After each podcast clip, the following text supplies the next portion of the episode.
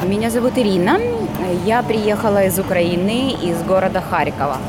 Город Харьков – огромный город. Mani sauc Irina. Es atbraucu no Ukrainas, no Harkivas pilsētas. Tā ir milzīga pilsēta ar diviem miljoniem iedzīvotāju. Es atbraucu pirms vairāk nekā sešiem mēnešiem, un piecus no tiem es mācos arī latviešu valodu. Latvieši ļoti palīdz Ukraiņiem, un pret mani šeit ir tikai laba attieksme. Es neesmu sastapusies ar sliktu attieksmi no vietējiem. Un tā kā man negribējās runāt krieviski, es izlēmu iemācīties latviešu valodu. Es uzliku sev tādu mērķi Latviešu valoda ir ļoti sarežģīta, gramatika ir sarežģītāka salīdzinot ar angļu valodu, bet neskatoties uz to, tagad es varu praktiski brīvi sarunāties, mēs viens otru saprotam.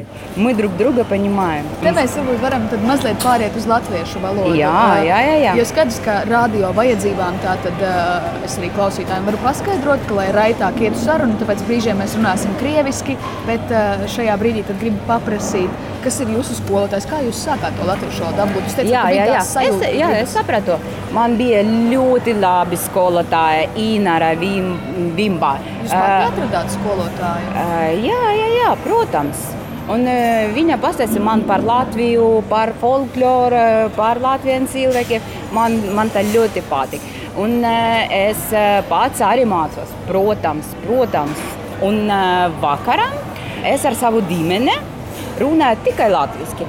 Man ir uh, maza meita. Eh, Viņai ir septiņi gadi. Viņa mācās Latvijas skolā, trešā klasē.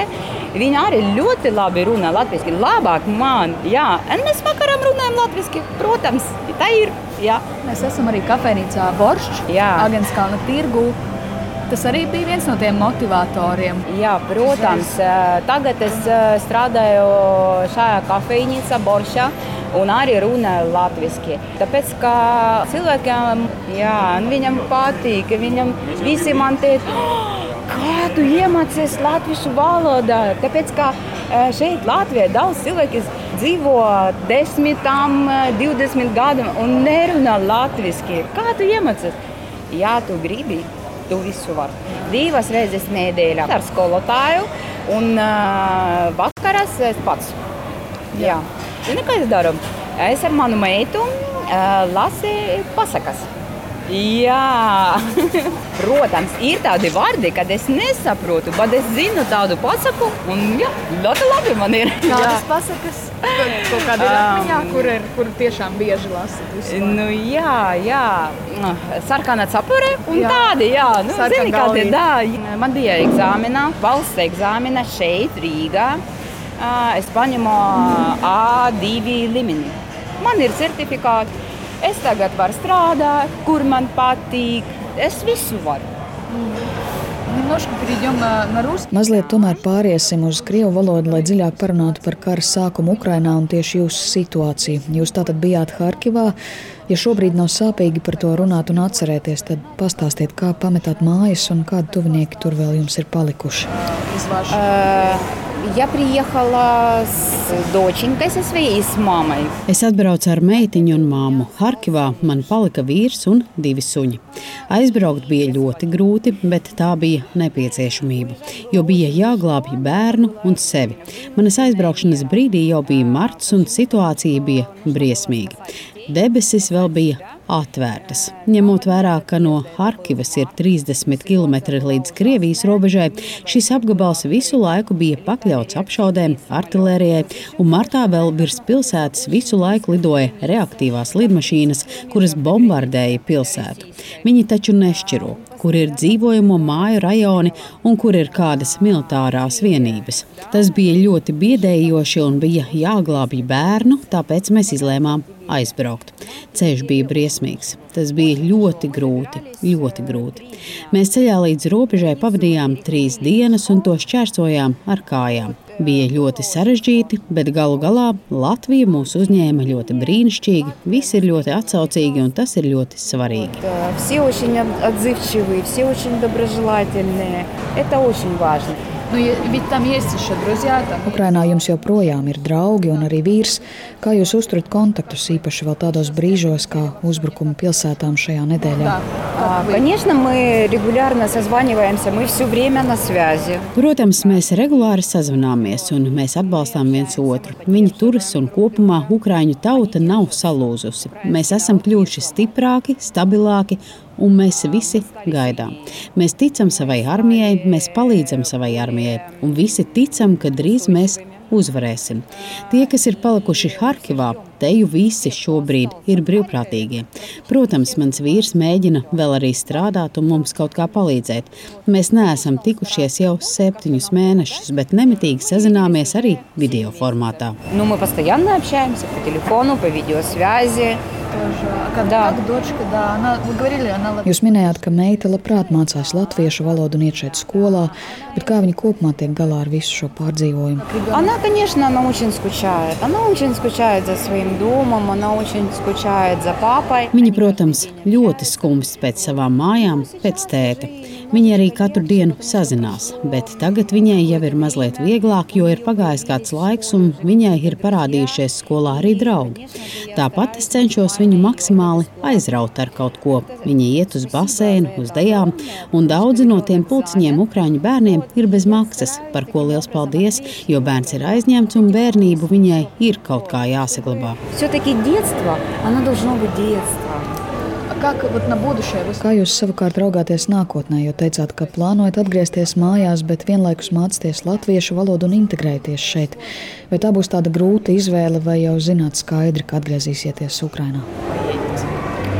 Я думаю, что мы поедем. Конечно, мы поедем домой, мы будем возвращаться домой. Но Es domāju, ka aizbrauksim, protams, mēs atgriezīsimies mājās, bet kamēr mēs esam šeit, nevienam cilvēkam nav nācis par ļaunu apgūt kādu valodu. Jo vairāk valodas tu zini, jo vairāk attīsties. Valoda, kultūra, tradīcijas. Meita dejo tieši tautas dēļ šeit, un viņai ļoti patīk. Tas būs viņai tikai bonus, kas nākotnē noderēs. Pirms kara Harkivā es savukārt strādāju starptautiskā bankā ar juridiskām personām. Tie bija mani klienti. Protams, kad atbraucu uz Latviju, bez valodas zināšanām darbu savā profesijā es nevarēju dabūt. Bez valodas es varu strādāt piemēram par apkopēju, un manuprāt, tas ir pareizi, jo, lai strādātu šajā valstī, ir jāzina arī valoda. Un tas arī ir viens no stimuliem, kāpēc es vēlos iemācīties latviešu valodu. Man gan šobrīd jau ir brīnišķīgs darbs, taču, ja situācija Ukrainā vēl ilgi ievilksies, tad es meklēšu darbu arī savā specialitātē, jo es gribu arī saglabāt savas prasmes, jo līdzīgi kā ar valodu, ja ilgi nepielieto savas zināšanas, tad tās aizmirstās. Kā būs, tā būs, bet tikko beigsies karš, mēs atgriezīsimies mājās. только закончится война, конечно, мы планируем возвращаться. ну, дом цел еще? Jūsu māja tur Harkivā nav cietusi kara darbībā. Э, Дом моей мамы очень пострадал. Попала бомба, э, у мамы частный дом. Manas mātes māja, kurā dzīvojām, ir ļoti cietusi, jo tur trāpīja lādiņš un sprādziens izsita visas durvis un stiklus, un kopumā māja ir ļoti cietusi.